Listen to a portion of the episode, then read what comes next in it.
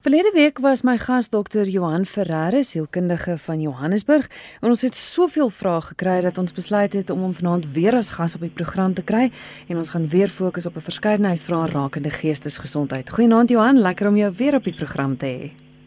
Naam vir gestel en naam aan die luisteraars. Goed, kom ons begin sommer 'n hele paar wat ek reeds gekry het. Ek gaan gou deur verlede week se SMS'e gaan voordat ons die lyne gaan oopmaak en uh, die ander van vanaand gaan lees.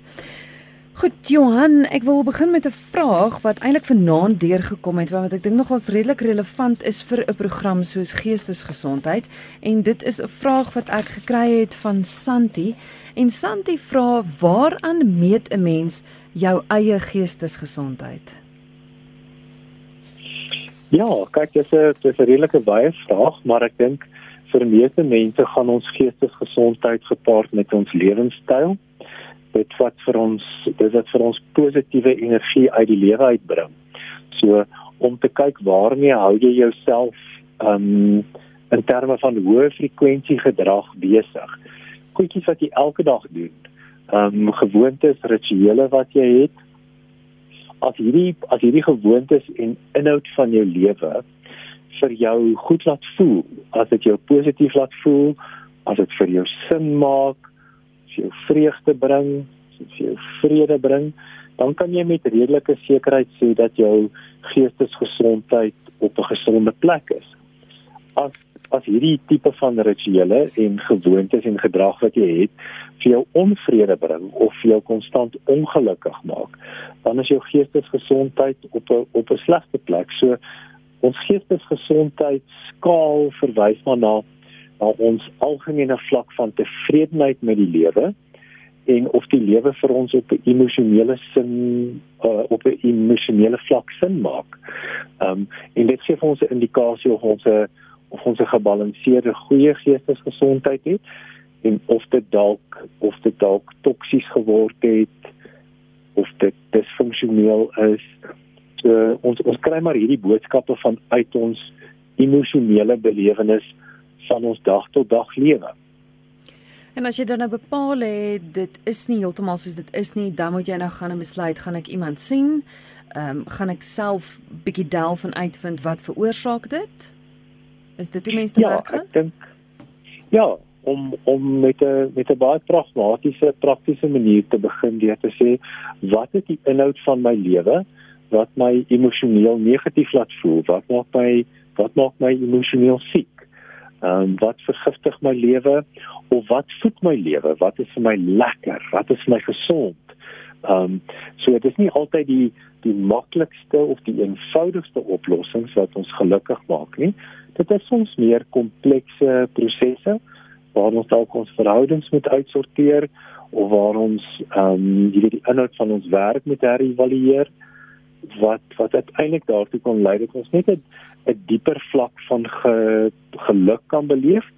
Ehm um, dit teenoorgestelde is ook waar. Ons kan ook ons kan ook diep versteur in ons geestesgesondheid word as ons aanhou om negatiewe keuses te maak of as daar as daar konstant negatiewe mense in ons lewe byvoorbeeld is. Goed. Is daar nou wat vra hoekom dink mense nie voor hulle praat nie? ek ek sal nou net eers mooi moet dink. Ehm um, ja, kyk dit het met dit het met impulsiwiteit te doen. Sommige mense dink altyd baie mooi voordat hulle praat, maar dan is daar die meer die meer impulsiewe ehm um, individue wat wat gewoon net um, op die op die stimulus reageer wat voor hulle is, so of hulle hoor iets of hulle sien iets en hulle laat nie regtig toe dat hulle dat hulle frontale lobbe, daardie deel van ons brein waar rasionele denke lê, ehm um, hulle emosies sanksioneer of jy weet hulle hulle impulsiewe denke, hulle verbalisering bietjie in toom hou nie en dan vlieg die woorde gewoon by jou mond uit. En kan dit eintlik baie verwondend wees. Ehm um, jy kan dit mense um, diep seer maak, dit kan beledigend wees, dit kan gewoon net ontoepaslik wees wat jy wat jy moontlik vir mense sê. So maar om te probeer om ehm um, as jy met impulsiwiteit sukkel, ehm um, en mense het klaar dat jy dat jy nie 'n wag voor die mond het nie of dat die jy weet die wag voor jou mond het nou gesterf. Ehm um, om maar om maar dalk 'n sekonde of twee te neem om te dink net maar wat sou die wat sou die effek wees van wat ek nou gaan sê sonder om dit net ehm um, sonder sonder om dit net vir iemand aan te bied. Ehm um, dit kan mense baie seer maak. 'n Luisteraar vra, is dit so dat mense seer maak omdat hulle self seer het? Ek dink dit sluit aan by ek weet ons as hmm. luisteraars, ek sê ons as omroepers kry dikwels baie lelike boodskappe van luisteraars af. Ehm um, ja. is is dit moet mense dit uit daai plek uit sien? Dit laat mense so klein bietjie beter voel. Ja, kyk dit dit is 'n ehm um, dit is 'n aanvaarbare afleiding wat mens kan maak dat iemand wat wat onnadenkend net ehm um, pyn toedien moet dit baie bekend is met pyn. So hulle hmm hulle hulle identifiseer daarmee dat dit dat dit is hoe mens kan voel en hulle hulle dink nie noodwendig dat hulle dit nie aan iemand anders wil doen nie.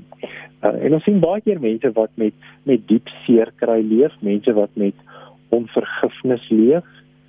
Mense wat werklik al al diep seer gemaak is deur die lewe. Ehm um, dit voel hulle self nie meer sanksioneer wanneer hulle lelike goed vir ander mense sien nie.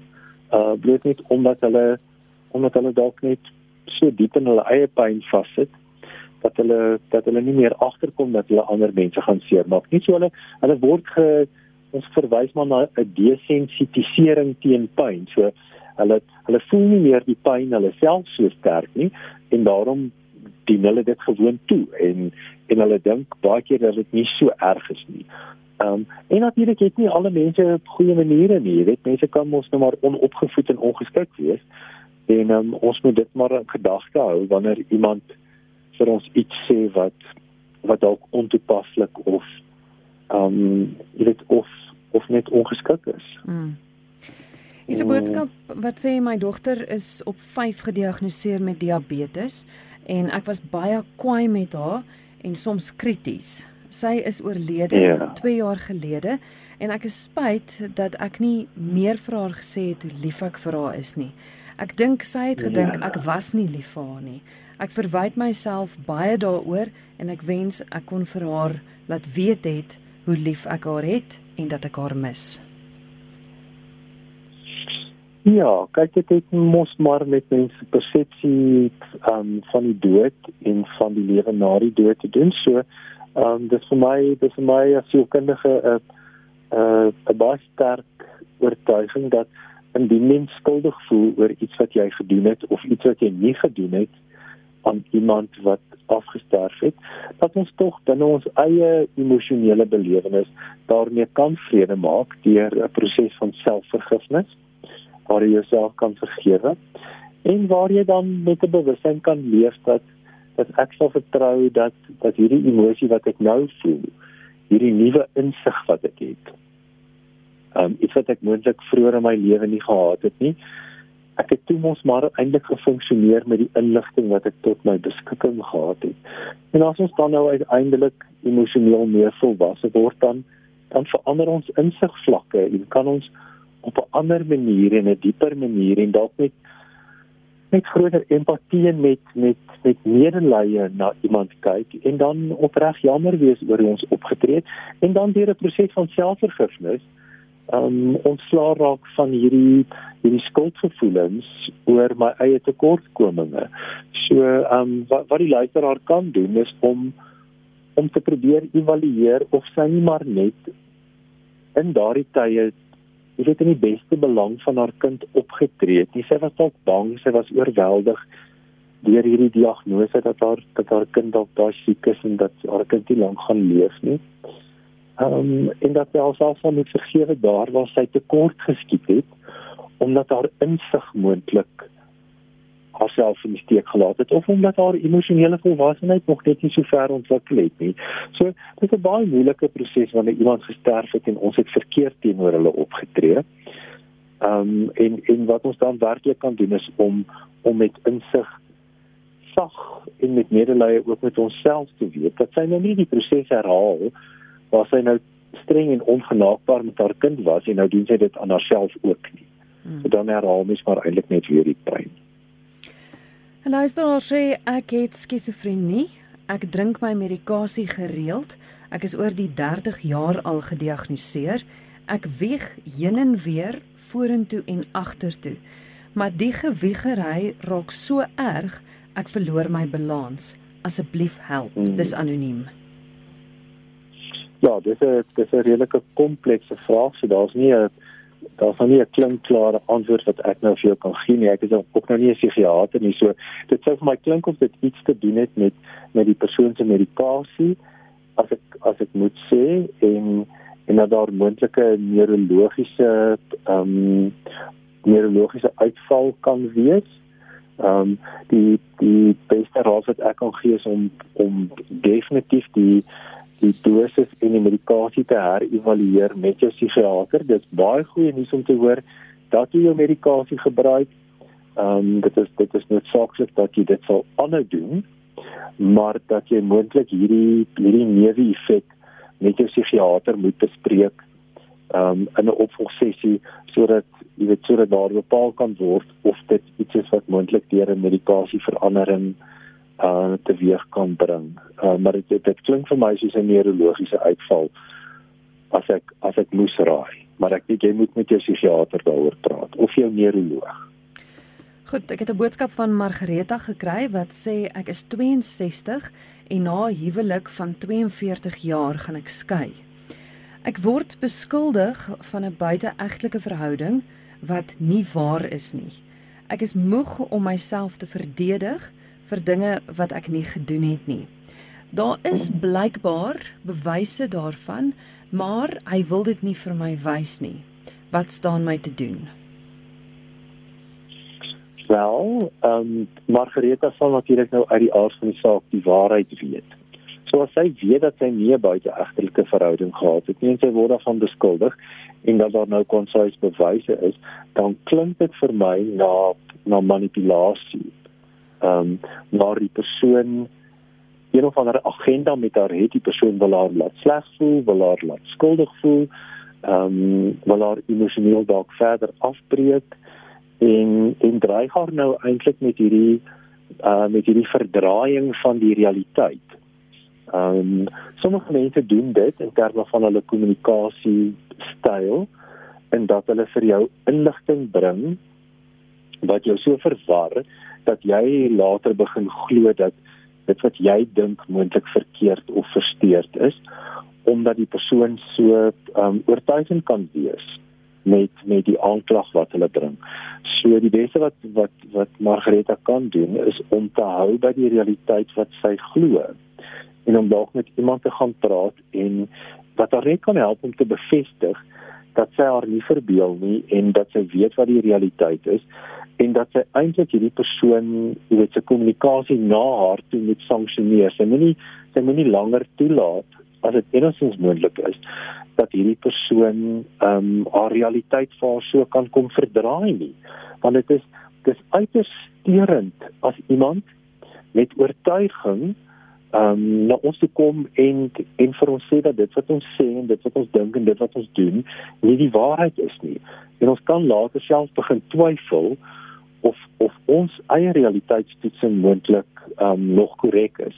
So dis 'n baie gevaarlike proses van manipulasie waarin sy haarself nou bevind en ek sou voorstel dat sy dat sy regtig die kommunikasie met hierdie individu so ver as moontlik beperk en gewoon net nie die leuen glo wat sy oortuig daarvan is dat dit nie so is nie.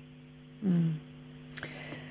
Hier is 'n boodskap wat sê kan 'n mens skade doen as jy iemand wat aan erge depressie ly, probeer motiveer om normale dinge te doen wat dalk mag help om in daardie om daardie groef uit daardie groef uit te kom wat sê ehm um, ehm um, ek wil net lê of ek het nie krag mm. om enigiets te doen nie en tot hoe mate uh, kan mens aanhou om so een um, te probeer inspireer tot normale dinge.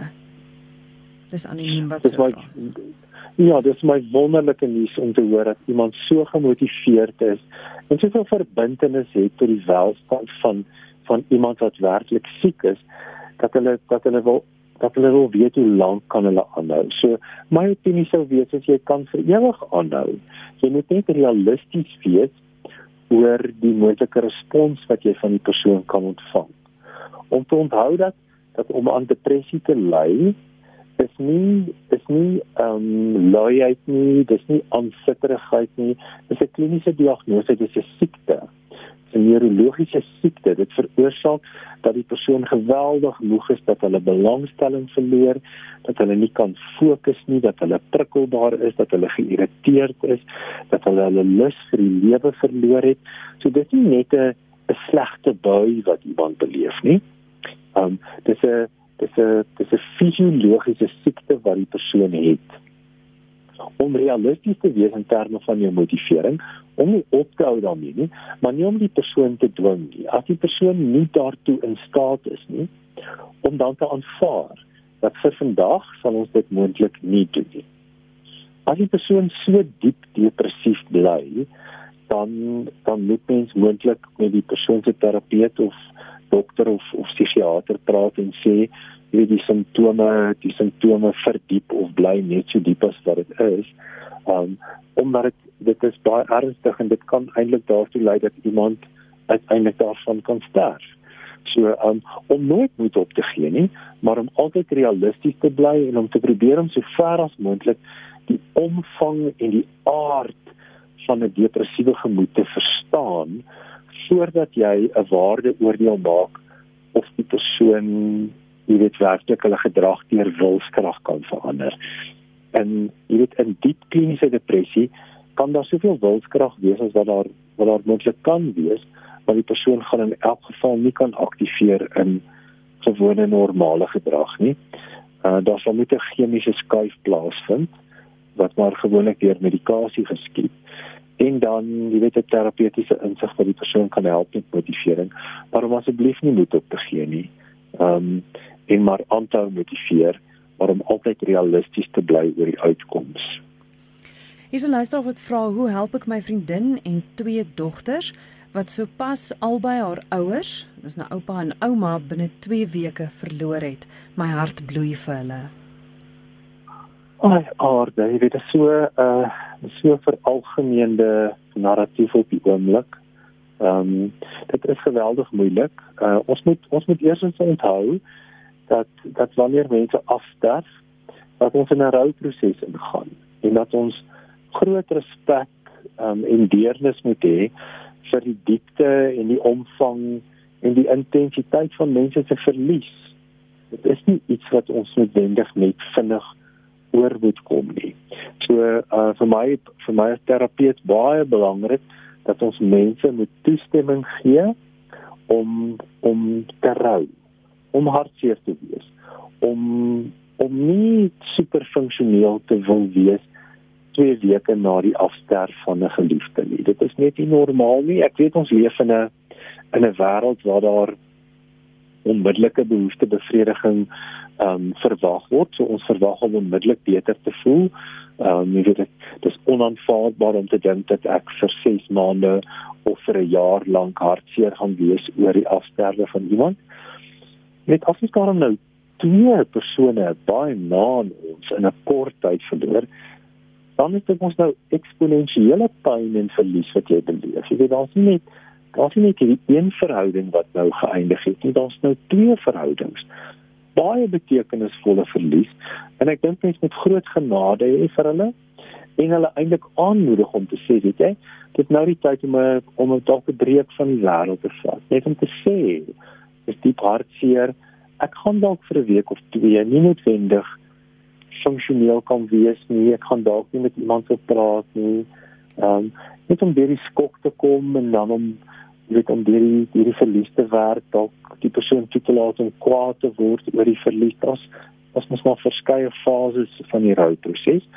Maar maar asseblief om nie nie in hierdie moderne um, verwagting te verval dat ons nou onmiddellik daarmee moet reg wees jy weet ons moet ons moet ons gesig kan regtrek en en en net jy weet deur die pyn kan werk en net soos die res van die wêreld vinnige oplossing vind vir ons verlies nie. Dit is net vals. Dit is nie dit is gewoon net nie reg nie. Dit 'n 'n 'n diep en betekenisvolle rouproses neem gewoonlik omtrent 18 maande. So dis 'n dis 'n lang tyd waarin ons waarin ons eintlik die inhoud van ons lewe moet aanpas sodat ons gewoond kan raak aan hierdie aan hierdie gaping, aan hierdie leemte wat gelaat was deur 'n persoon wat net nie meer daar is nie. Ehm um, dit is dit is net ongesond om om nie te rou nie. Hmm. Hoekom sukkel mense om 'n man te los wat nie vir jou omgee nie? Daar's nog twee tieners in die huis, maar ons het geen verhouding nie. Daar is absoluut geen kommunikasie nie en geen kwaliteit tyd saam nie. Ander party is glad nie oop vir berading nie en het ook nie hoop vir 'n verbetering van die verhouding nie. Mens kan tog nie vir ewig by mekaar bly omdat mens dink dis die beste vir die kinders nie. Dit is eintlik nie, want hulle leer niks van 'n gesonde verhouding nie. Maar as daar nie baie konflik is nie, moet 'n mens nie dan maar net aangaan met die verhouding nie. Daar is net geen hoop vir die verhouding nie. Terstel ek dink jy kan hoor dat hierdie persoon wat hierdie boodskap gestuur het, het eintlik het eintlik 'n hoë vlak van insig. Hierdie is 'n hierdie is 'n emosioneel intelligente volwasse persoon wat eintlik reeds die antwoorde het waarna hy of sy vra. Hmm. Ehm um, die persoon antwoord eintlik reeds, jy weet, uh, is dit die voorbeeld wat ek vir my kinders wil wys? Ehm um, nee natuurlik is dit nie die voorbeeld wat jy vir jou kinders wil wys nie. Jy wil nie vir seuns wys dat dat dit is hoe 'n man optree nie en jy wil nie vir dogters wys dat dit is hoe 'n vrou moet reageer op so iets nie of andersom. Ehm um, so nee, dit is nie 'n gesonde plek om te bly nie. Daar is natuurlik 'n verskeidenheid van faktore wat 'n rol kan speel, mense se geestelike oriëntasie, hulle geloofs-oortuigings, ehm um, en dan jy weet finansiële oorwegings. Ehm um, maar om in 'n verhouding te bly wat disfunksioneel is, is 'n swak voorbeeld vir jou kinders en dit dit kaap eintlik jou lewe. Dit dit sit jou lewe eintlik ophou en jy kan eintlik nie effektief met jou lewe aangaan want want daar is nie daar's nie persoonlike geluk nie, daar's nie vervulling nie. Ehm um, daar's nie daar's nie hou van mekaar nie. Uh dis eintlik 'n baie negatiewe ehm um, toksiese situasie en hoekom mense maar eintlik by mekaar bly is omdat hulle koafhanklik word. Jy weet hulle daar is iets in die verhouding wat wat ehm um, tot albei se voordeel is. Nou of dit veiligheid is en of dit 'n gebrek aan verleentheid sal wees. Ek wil nie mense moet dink dat ek misluk het nie. Ehm um, daarom gee ons nou maar voor dat dat alles goed is, ten minste beklei ons nie. Ehm um, dit is 'n lae kwaliteit verhouding. En uiteindelik lei daartoe dat ons 'n lae kwaliteit lewe het ons voel onvervuld, ons voel nie dat die lewe vir ons sin maak nie, ons verloor hoop. So as jy in so 'n verhouding wil bly, dan moet jy dan moet jy seker maak dat jy verstaan wat die gevolge gaan wees. Die gevolge sal wees dat jy dat jy nie gelukkig sal wees nie en dat jy nie vervulling sal beleef nie. En as jy dan uiteindelik so 'n verhouding sal kan verlaat, dan het jy eintlik die kans daarop om as ten minste as individu meer vervuld te kan leef. Um en dalk net 'n voorbeeld vir jou kinders kan wees van van hoe 'n verantwoordelike groot mens met met verhoudings moet behoort om te gaan. Dat ons nie net in verhoudings bly omdat dit vir ons eintlik bitter ongerieflik is, maar eintlik gerieflik bly nie. Hmm. En luister, sê my pa is 3 maande terug dood en het alles vir my ma gedoen. Hoe kan ek my ma help om weer aan te gaan in die samelewing na die trauma van my pa se dood en die angs wat die lewe daar buite vir haar veroorsaak? Ek is uh, ja. geweldig raadop en bekommerd oor haar. Ja, kyk dit dit het sekerlik te doen met hoe hoe oud die persoon is en hoe jy weet hoe hoe veel die die pa vir die ma gedoen het. As die pa nou absoluut alles gedoen het en die ma is is nou al redelik bejaard dan word dit maar 'n proses van bestuur. Ek dink nie noodwendig dat iemand in hulle in hulle 80s byvoorbeeld werklik daar sekerlik uitsonderings maar maar werklik die vermoë het om om om werklik onafhanklik kan leef as hulle dit nog nooit gedoen het nie. Mens kan probeer, ehm um, deur die persoon te help om om met die funksionaliteit van die lewe om te gaan so om die persoon bloot te stel aan dit wat gedoen moet word. So ehm um, jy weet hoe werk my selfoon? Hoe hoe doen ek my banksaake? Ehm um, hoe jy weet hoe sorg ek dat my elektrisiteitsrekening betaal is? Ehm um, dit om om dalk met baie eenvoudige ehm um, werkbare um, verantwoordelikhede te begin en en te sien of die persoon enigstens die die intellektuele en die emosionele kapasiteit het om om met die wêreld, jy weet soos dit nou in 2020 is, om te gaan. Jy weet daar is uit die aard van die saak bejaarde mense wat wat die vermoë het om dit te kan doen, wat wat die lewe wat die lewe aangryp. Jy weet my my eie skoonma is is is 'n uh, is 'n bejaarde dame en en en sy weet hoe die internet werk en sy wil wifi in haar huis hê en sy sy sukkel bietjie om te sien maar sy sy werk op selfoon en sy het geleer om te WhatsApp en so hou sy kontak met die wêreld en en ek ek ek vermoed dat dit die uitsondering op die reël is maar ek dink mens moet maar kyk na die persoon se se vermoë tot um weet tot die behoefte om weer te integreer met die wêreld op 'n meer betekenisvolle vlak.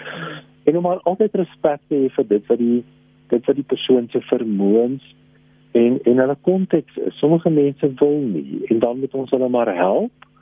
Ehm um, as daar baie angs en stres by betrokke is, dan dan moet jy nie te veel verandering te vinnig um, in hulle lewe bekend staan nie want dit kan hulle angsvlakke geweldig hoog maak. Jy het iemand wat byvoorbeeld nog nooit hulle eie bank sake gedoen het nie. Ai aarde, weet jy dan jy weet iemand moet dit maar eerder vir hulle doen. Ehm mm. um, vir vir 'n sekere tyd so om eintlik om realisties te wees in terme van weet wat ehm um, wat die potensiaal is vir vir ontwikkeling. Rina sê my man is al 5 jaar weg. Na 58 jaar is 'n getroude lewe begin alles vir my erger word. Sy sê nou waardeer ek hom vir wat hy alles vir my gedoen het. Ek het hom nie genoeg waardeer nie en ek leef met selfverwyd. Ja. Ja, ek dink dit dit resoneer met die met die vorige hmm. opmerking mm. wat ek gemaak het dat dat ons ek ek persoonlik dink dit is deel van die lewe, dit is deel van die ritmes van die lewe. Dit word waardeer ons eers met met volle insig. Iets wat ons uiteindelik eers verloor het. Um en dit lei tot diepe berou en en 'n gevoel van skaamte en 'n gevoel van verlies dat ek dat ek moes beter gewees het. Maar ons moet onthou dat dat meeste van ons daarom met met opregte intensie werk met dit wat ons tot ons beskikking het op die tyd wat ons die besluite neem. En al wat ons werklik kan doen wanneer iemand reeds afgesterf het oor wie ons skuldig voel, is om in 'n proses van begrip met onsself te gaan en met selfvergifnis te werk. As jy nie met selfvergifnis gaan werk nie, dan gaan jy met skuldgevoelens leef. So dis een van die twee keuses. Of ek leer om myself te vergewe en dis 'n proses. Ehm um, en dis nie 'n verskoning nie. Ek verskoon nie wat ek gedoen het nie. Ek het diep berou oor wat ek gedoen het. Ek verstaan dat ek tekort geskiet. Maar dat ek vrede daarmee maak en dat ek dan nou my gedrag verander. So, dan kyk ek na wie is nou tans in my lewe en en ek doen my bes met hulle omdat ek nou iets hier uitgeleer het. Maar ek hou nie aan om skuldig te voel nie. Skuldgevoelens gaan net jou lewe inhibeer. Hmm. Ehm um, so jy jy jy sê nie ek het dit nie verkeerd gedoen nie. Jy sê net ek het tot insig gekom dat ek dit gedoen het. En ek het dieper rou daaroor, maar ek kan myself nou daarvan losmaak. 'n Luisteraar vra, is dit natuurlik dat na vroutjie ons baba gehad het, dat sy nie meer intiem wil wees nie. Dit is nou al 'n jaar lank. Dit is nie dit is nie ongewoon ehm um, dat, dat dat vrouens baie keer voel dat hulle liggame gedeseksualiseer is na geboorte nie. Dit ehm um, ek is nou baie versigtig om hierdie te antwoord want ek is nou nie 'n vrou nie en van my vroulike kollegas het my nou al ernstig in die bek geruk hier hoor. So ek ek gaan probeer om te antwoord soos hulle sou antwoord. Ehm um, en dat jy weet as jy nog nie swangerskap en geboorte beleef het nie dan is jou liggaam eintlik jou eie en dit is 'n is dit 'n 'n seksuele deel van jou lewe wat natuurlik gebeur. Maar dan dan dan as jy 'n mamma geword het, dan het jou liggaam nou iets anders gedoen. En dit word sterk geassosieer met die seksuele deel van ons lewe en en beleef sommige vrouens 'n uh, 'n uh, 'n uh, verlies aan aan seksuele gedrewendheid omdat hulle eintlik daardie energie gebruik vir hulle liggaam om om gesond te word en om om te herstel na die swangerskap maar ook eintlik om die aandag en en versorging aan hulle kind te gee. Ehm um, so dis 'n dis 'n insig waarmee sommige mammas moet werk is dat hulle is dat hulle moet weet dat hulle dat hulle ook weer moet terugkeer na 'n manier om oor hulle eie liggame te dink as nie net die liggaam wat geboorte geskenk het aan my baba nie, maar dat dit ook weer 'n 'n seksuele deel van my lewe kan vervul en en sommige sommige vrouens doen dit redelik spontaan Uh, maar vir sommige vrouens is dit 'n meer intentionele proses. Hulle moet hulle moet weer daaraan dink en hulle moet dalk 'n gesprek of twee met iemand daaroor hê sodat hulle sodat hulle weer die die seksualiteit deel van hulle lewe kan ehm um, kan herontdek. Ehm um, dis 'n baie natuurlike proses, maar in my ervaring is dit baie keer vir sommige vroue moet dit meer intentioneel geskied. Ek moet ek moet daaraan dink en dan moet ek dit kies. Mm. Ehm um, want jy jy jy jy is nie net 'n mamma nie, jy is nog steeds iemand se vrou ook. Ja. Hmm. Waarom hmm? waarom met groot deernis en sagtheid asseblief met jou vrou om te gaan as dit te gebeur om om nie net om nie net net te dink dat dit iets is wat in haar kop moet aanskakel nie net om met haar daaroor te praat en met 'n gesprek met haar daaroor te wees en te en te hoor en te wonder maar maar, maar hoekom gebeur dit nie? Dis 'n goeie beginpunt. Goed. Nog 'n luisteraar sê sedert ek 5 was, het ek almal verloor vir wie ek ooit lief was. Alle mense en diere. Nou is ek afgestomp en ek gee nie meer om vir ander se lyding nie. Hoe kom ek reg? Hmm.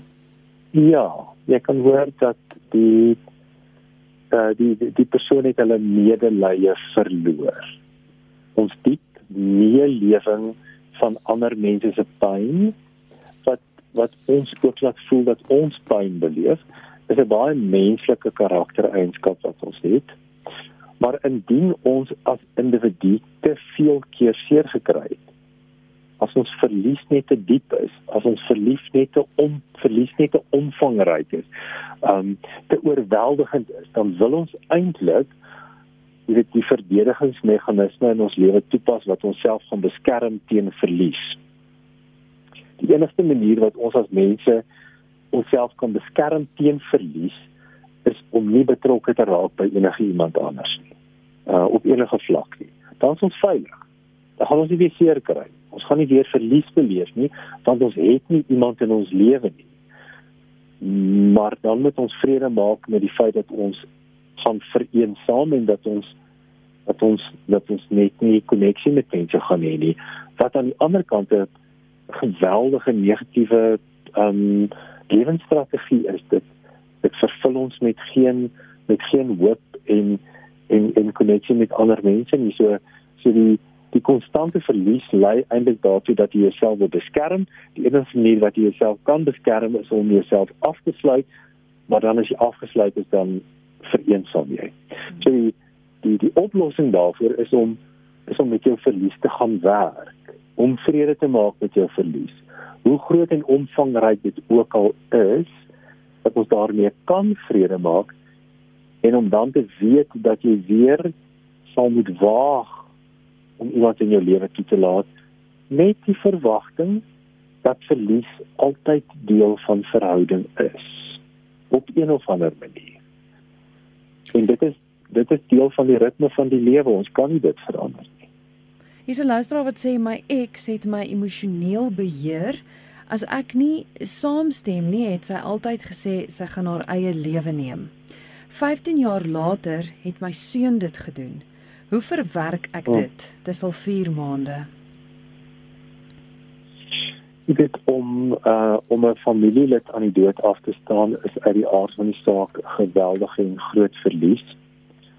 Ehm um, wat wat net baie erger is wanneer mense ouer is en dit is dit is half teen die natuur dat dat dat ouers hulle kinders aan die dood sal afstaan wat ons verwag altyd dat dit ons sal wees wat sterf.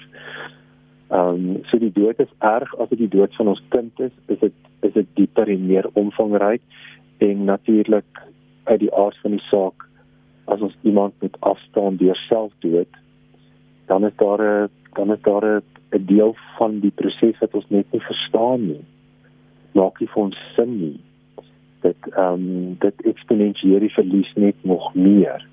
So om om in 4 maande die verwagting te hê dat ek nou al beter moet voel is nie baie realisties nie. Ehm um, dit gaan baie langer vat as 4 maande om uiteindelik daarmee vrede te maak. Ek hoor dit is gekompliseer deur die deur die lewensmaat wat moontlik weet reeds reeds in 'n proses was waar hulle lank depressief was en en onsself dood gedink het. Um ek ek dink dit sou 'n fout maak om dit voor die deur te gaan lê van die van die persoon wat reeds depressief is. Um dis nie 'n noodwendige keuse wat ons maak om om depressief te wees en aan aan die dood te dink as 'n opsie om ons lewe te beëindig nie dis dis deel van 'n siekte dis deel van 'n sielkundige proses waar ek net nie meer sin in die lewe kan vind nie. Ehm um, en om dan uiteindelik uiteindelik daarmee te moet vrede maak dat jou dat jou kind 'n keuse uitgeoefen het oor die oor die voortbestaan van hulle lewe en en dat hulle mag hoe moeilik dit ook al vir ons is om te aanvaar dat individue mag kies om hulle eie lewe te beëindig. Ehm um, vir vir mense wat nog nooit ehm um, jy weet selfdoodsgedagtes gehad het, is dit baie moeilik om te verstaan hoekom iemand hoegenaamd daaraan sou dink. Maar as mens baie depressief is en mense het hoop verloor en jy kan nie 'n ander uitweg sien nie, dan is dit eintlik die enigste logiese uitweg wat mense sal oorweeg. En en sien ons dit met met skrikwekkende frekwensie in die wêreld. Jy weet, ehm um, ehm um, ek het ek het onlangs statistiek ehm um, raak gelees wat wat vir ons aandui dat dat selfdood in die jy weet in die top 6 oorsake van die van die meeste dood in die wêreld is. Ehm um, so dit is nie dit is nie iets wat nie gebeur nie. Dit is net absoluut skokkend en skrikwekkend wanneer dit met jou gebeur en wanneer dit jou kind is. So 'n proses van aanvaarding dat dit nou gebeur het en dan om te om te aanvaar dat daar moontlik nie 'n verduideliking voor is nie. Ek gaan nie noodwendig ooit kan verstaan hoekom my kind dit gekies het en hoekom hulle dit gedoen het nie, maar dit is 'n baie lang pad van herstel. Hmm. 'n Luisteraar vra: My liewe engel eggenoot van 48 jaar het baie skielik Parkinson's demensie ontwikkel binne omtrent 8 maande. Hy is ontsettend confused. Hy het geen konsentrasie nie, bitter korttermyn geheue. As ons TV kyk, dan sal hy sy eie storie vertel van wat daar gebeur. Hy vertel gedurig vir my van die kleinkinders en terselfdertyd vra hy vir my, "Waar is Julie?" Ek is Julie, sy vrou. Dit is hmm. bitter hartseer vir my. Ja, Christel, dit is 'n dit is 'n baie groot uitdaging en soveel mense leef met die realiteit daarvan. Ehm um, waar waar ouer mense um, en selfs mense wat nie so oud is nie, se breinfunksies vir een of ander organiese rede of dit Parkinson's is en of dit demensie is en of dit Alzheimer is. Hulle hulle verstandsfunksionering neem meetbaar en merkbaar af op 'n sekere stadium van hulle lewe. En en dit lei daartoe dat dit dat dit ongelooflike frustrasie by die by die mense rondom hulle um laat ontstaan want Hulle ken natuurlik nou die persoon as 'n funksionerende individu wat alles kan onthou en wat nie simpel vrae vra nie en wat nie sukkel om woorde te onthou nie en wat mense se name kan onthou en wat wat son kan TV kyk en reg kan dekodeer wat op die nuus gebeur en wat nie hoef te vra watter dag van die week dit is en wat nie vir die 6de of die 7de keer jy weet jy kom vra of jy wil tee nie. Ehm um, so dit dit lei daartoe dat daar geweldige frustrasie ontwikkel by die persoon wat self die neurologiese um, siekte ontwikkel, maar dan vir die mense wat saam met hulle leef. So wat ons moet onthou is die beste strategie om met so 'n pasiënt te hê is om altyd deur die raamwerk van die siekte na hulle te kyk en te verstaan hierdie is nie intentioneel nie. Die verkeerdste ding wat ek kan doen is om die persoon reg te help. Om te sê, "Hi, maar ek het nou al 5 keer vir jou gesê, dit is nie vandag Dinsdag nie." Ehm um, die persoon kan net wendig nie onthou dat dit nie vandag Dinsdag is nie. So die om konflik te vermy en om irritasie en en verwarring by die pasiënt te vermy is om so ver as moontlik in die realiteit van die oomblik te bly. Hmm. So as hulle nie iets verstaan nie of hulle kan nie iets onthou nie of hulle kan nie onthou wie jy is nie om net te onthou hoe okay dis waar ons nou is en dan te antwoord. Nee, maar dit is vandag Dinsdag. Ons gaan nie op Dinsdag winkels toe nie. Ehm um, vandag doen ons dit. Uh my naam is Julie. Ek is Julie. Kan jy onthou ek is Julie? En al moet jy dit verskeie kere na mekaar verduidelik, ehm um, sal jy agterkom dat dit die dat dit die verwarringselement by die pasiënt baie minder hou. As ons hulle korrigeer die hele tyd en ongeduldig met hulle raak en hulle sê my dit ehm um, maar onthou nou dat ek dit vir jou gesê het. Dis ons natuurlike reaksie. Mm. Maar dit dis orienteer hulle net nog verder en dit in in laat hulle sleg voel oor die feit dat hulle dat hulle nou met hierdie situasie sit. Dit is 'n dit is 'n dit is 'n baie uitdagende konteks. Mens moet die mens moet die omvang en die verloop um van die diagnose wat die persoon gekry het, jy moet sorg dat jy dit baie mooi verstaan sodat jy nie verward is oor jou verwagtinge nie. Um as jou verwagtinge in plek is, dan help dit jou om met die frustrasie te leef van 'n lewensmaat wat eintlik in essensie baie soos iemand anders gaan voel. Baie van ons bekendheid van die persoon gaan weg. Want hulle funksionering is is net soveel laer, is net soveel anders. En jy weet dit, dit gaan baie keer met hartseer gepaard. 'n Groot verlies. Jy weet pasiënte sal baie keer vir my sê, maar dit voel reeds of ek my maat verloor het. Mm. Want ek het die bekendheid verloor. Ek kan nie meer met hom of haar gesels oor die goedjies wat ons altyd gesels het. Dit voel so dit voel eintlik of my man of my vrou reeds dood is. Ehm um, maar nou is hulle nog hier. So dis 'n dis 'n baie komplekse proses. Daar's wonderlike ondersteuningsgroepe. Mense kan op die internet kyk vir vir uh Parkinson support groups, dementia ondersteuningsgroepe, net om met mense te gesels wat in dieselfde bootjie is as jy, sodat jy sodat jy kan begryp dat jy nie alleen is nie. So mense mense het werklik ondersteuning in so 'n tyd baie nodig. Ja, jy het miskien dalk die volgende vraag reeds beantwoord in 'n groot mate, maar die luisteraar sê my eksman is 'n maand terug dood. Ek het hom geskei, maar ons was nog altyd baie close geweest. Ek blameer myself dat ek hom geskei het, want hy het homself verwaarloos daarna. Ek huil nog baie oor hom. Is dit normaal?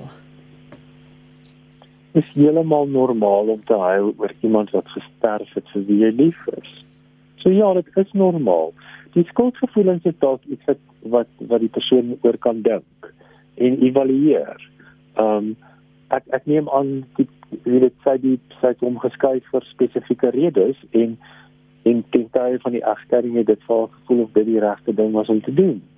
Ehm um, so om vrede daarmee te maak, ehm um, en om te verstaan dat 'n rouproses ehm um, is is net iets wat ons moet deurgaan. Ons moet ons moet hartseer wees. Dit is heeltemal normaal. Dit is nie dit is nie abnormaal om te herëvalueer ehm um, of dit wat ons gedoen het reg is nadat iemand afgesterf het nie. Ek dink dit is 'n ons ons gee eer aan die aan die verhouding en ons respekteer die persoon daardeur. Dit sê weet ek gaan ten minste dink of of ek eerbaar opgetree het en en soos ek vroeër gesê het om dan maar in 'n proses van selfvergifnis te wees indien jy iets verkeerd gedoen het sodat jy nie sodat jy nou nie aanhou leef met die met die negatiewe emosies wat jy ten tye jy weet van 'n besluit wat jy dalk moontlik nie heeltemal verstaan het geneem het nie. Hmm. Nog 'n luisteraar sê, vra eintlik, hoe gemaak jy moet jou naaste lief hê soos jouself, maar jy haat jouself? Ja. Nee, daar's nou 'n dilemma, hè? Hmm. Ehm um, ons ons kan uit die aard van die saak nie liefde betoon as ons nie as ons nie 'n interne belewenis van liefde het nie. Die beginpunt sou wees is om om te probeer uitwerk, uitpluis, verstaan, begryp hoekom daar nie selfliefde is nie. Selfliefde is 'n is 'n redelike genormaliseerde emosie, maar wat baie vinnig weet gekontamineer raak, besmet raak deur negatiewe belewennisse, mense wat mense wat jou verwerp, mense wat jou sê jy is goed genoeg nie, uh mense wat wat wat jou wat jou onaanvaarbaar vind. En dan uiteindelik word dit jou jou interne stem. Met alle stemme word jou interne stem dat ek nie goed genoeg is nie. Is nie mooi genoeg nie as jy slim genoeg nie. Goed dan het ek myself ook nie lief nie. Maar as jy nie jouself lief het nie gaan jy gaan jy geweldig te struikelblokke hê om te probeer om iemand anders lief te hê so ehm um, dit dit is maar 'n diskwalifiseerder vir naaste liefde as jy nie met selfliefde kan begin nie. Goed. Iemand sê so naand Kristel, my dogter het herstel van die virus. Sy is terug by die werk, maar haar kollegas behandel haar asof sy die pes het. Dit ontstel haar enige raad. Dis Elsa wat so vra. Ja, dis natuurlik nou 'n totaal en alle gebrek aan kennis wat maak dit hulle dat hulle so teen haar haar optree. Ehm um, jy weet my my my beste raad is maar om om soveel as moontlik inligting te kry en dan hierdie inligting met hulle te deel om te verstaan dat daar 'n sekere tyd uh van infeksie is waar ons waar ons aansteeklik is en dan as daai tyd verby is dan is ons nie meer aansteeklik nie. Dit is ehm um, dit, dit dan dan kan niks met jou gebeur nie. Dit is nie 'n dit is nie 'n kroniese siekte toestand nie. Dit is nie iets wat jy het en nou het jy dit vir ewig nie. Jy het dit vir X aantal dae en dan beveg jou liggaam dit en dan is jy nie meer aansteeklik nie. Dan dan kan die virus nie meer oorgedra word nie. So dit is 'n dit is 'n kennis ding. Hmm. Ehm um, en sy moet dalk jy weet sy moet dalk maar die regte inligting aan hulle deurgee sodat hulle ehm um, wel eers moet hulle verstaan hulle kan dit almal kry. Ehm um, so jy weet dit jy weet hulle moet maar versigtig wees dat hulle nou nie so lelik met haar is dat sy ook met hulle lelik wees as hulle dit kry nie. Maar dat dit maar dat daar 'n tyd kom wanneer ons regtig nie meer infeksie uh ons het nie ehm um, ons kan nie meer die infeksie oordra nie. Hmm. Ehm um, en dat ons dan eintlik vir alle praktiese doeleindes gesond is. John Powell sê Wat staan ons te doen? My skoonseun 34 is oorlede en hy laat 'n 3-jarige seentjie na wat bitter wat dit bitter moeilik vind. Ja. Ja, kyk, ehm um, daar daar's daar's nie veel wat ons daarin kan doen dat sy pappa gesterf het nie. Maar daar's baie wat ons kan doen om die kwaliteit van 'n 3-jarige se lewe uh positief te hou. So um, om om die realiteit aan hom te verduidelik sodat hy dit kan verstaan dat pappa nie meer hier is nie en om dan te verstaan dat hy net soos enige ander mens in 'n rouproses sal wees dat hy die hartseer sal wees maar dat hy op 3 jarige ouderdom op 'n baie konkrete manier daarna sal kyk. So hy sal wil weet maar waar is pappa en wat doen pappa? En het pappa kos om te eet en het pappa bed om in te slaap? En hy sal bekommerd wees oor is pappa is pappa soos hy vir pappa ken is is hy eintlik op 'n op goeie plek dan sy jy weet kan sy begrip van pappa aangaan hmm. en dan om toe te laat vir hom om die om die verlies te beleef dat hy na pappa mag verlang dat ons daaroor mag praat maar dat ons nie dat ons nie 'n vals verwagting by 'n 3-jarige moet skep dat pappa sal terugkom nie ons moet probeer en dit is geweldig moeilik om dit vir 'n 3-jarige te verduidelik dat iets permanent is. Dit is dit is gewoonlik iets wat wat oor tyd uiteindelik by kinders um sal gaan neerlê om te besef okay maar dit is hoe dit voel as iets permanent is. Um maar om om vir hom lief te wees en om sag met hom te wees, om nie te laat om ons te manipuleer nie. Ag hartseer wees, maar ons mag nie stout wees nie. Daar is nog sekere reëls waarbinne ons mag leef. Um maar dat ons oor pappa mag en dat ons um dit is dalk die van pappa langs sy bed sit as dit nodig is, dit wat hy wil hê, maar om nie te maak dat asof pappa nie bestaan het nie. Mm. Um en om dan sy vrae te antwoord op die ouderdomsvlak wat vir hom sou sin maak. Goed. Ek dink ons het tyd dalk nog vir so 'n laaste vraag en dit kom uit Pretoria uit. 'n Luisteraar wat sê: "My vraag is wat is normaal en wanneer moet ons dan begin aanpas by 'n nuwe normaal?" Ja, normaal normaal in in in my persepsie is natuurlik nou redelik aangetast na hierdie belewenis wat ons nou wêreldwyd beleef het want want ek dink ons almal se normaal is ten minste is ten minste aange het aangetas en uitgedaag. Dit wat vir ons normaal gevoel het in terme van sosiale funksionering byvoorbeeld is net gewoon nie dieselfde nie. Ehm um, so ek dink dit dit moet op 'n individuele vlak ehm um, geëvalueer word. Dit wat vir jou gewoon voel, dit wat vir jou gemaklik is, is gewoonlik dit wat vir ons normaal voel. Ehm um, en dan en dan moet ek soms die grense rondom dit skuif omdat dit wat vir my normaal gevoel het en dit wat vir my gemaklik is, dalk nie meer vir my gemaklik is nie. Ehm um, dit ek het ehm um, ek het nou ek hou verskriklik baie daarvan om om te gaan fliek. Maar daar's geen manier dat ek myself kan indink dat ek nou na 'n teater toe kan gaan nie. Ehm um, So daai normaal vir my het het ongelooflik sterk geskuif. Ek weet nie ek dink net ek sal bitter ongemaklik wees. Dit sal nie meer vir my normaal voel nie. So ek ek moet nou sekerlik my denkpatrone aanpas rondom dit, maar ek kan nie dit op iemand anders projekteer nie. Ek kan nou nie vir ander mense sê julle moenie dit doen nie want dit is nie normaal nie. So dis 'n dis 'n sterk individuele proses en ons moet ons moet aanhou om dit te evalueer en en dan om te verstaan normaal is normaal vir my.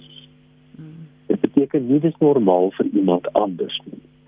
Um en en om dit dalk nie te projekteer nie, maar om dalk in gesprek met mense daaroor te wees sodat ons mekaar se normaal kan leer ken en dit dalk kan help dat ons dat ons ons eie normaliteit beter kan aanpas.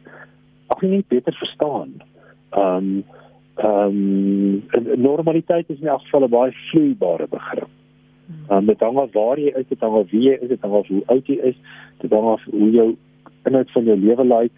Ehm um, so normaal is 'n um, is 'n baie baie vloeibare dinamiese begrip. Johan baie dankie Shamaine anoniem ek het julle SMS'e gekry ons sal dit hou vir 'n volgende keer kan luisteraars jou kontak Johan beste as hulle 'n e-pos stuur na Johan@mosaik.co.za. Baie dankie vir die gesels en 'n wonderlike week verder. Dankie Christel, lekker aand. Dit is Dr. Johan Ferreira met wie ek gesels het. Hy is sielkundige van Johannesburg. Ons het vanaand weer gekyk na 'n verskeidenheid vrae rakende geestesgesondheid. Jy kan hom kontak by Johan F by mosaik.com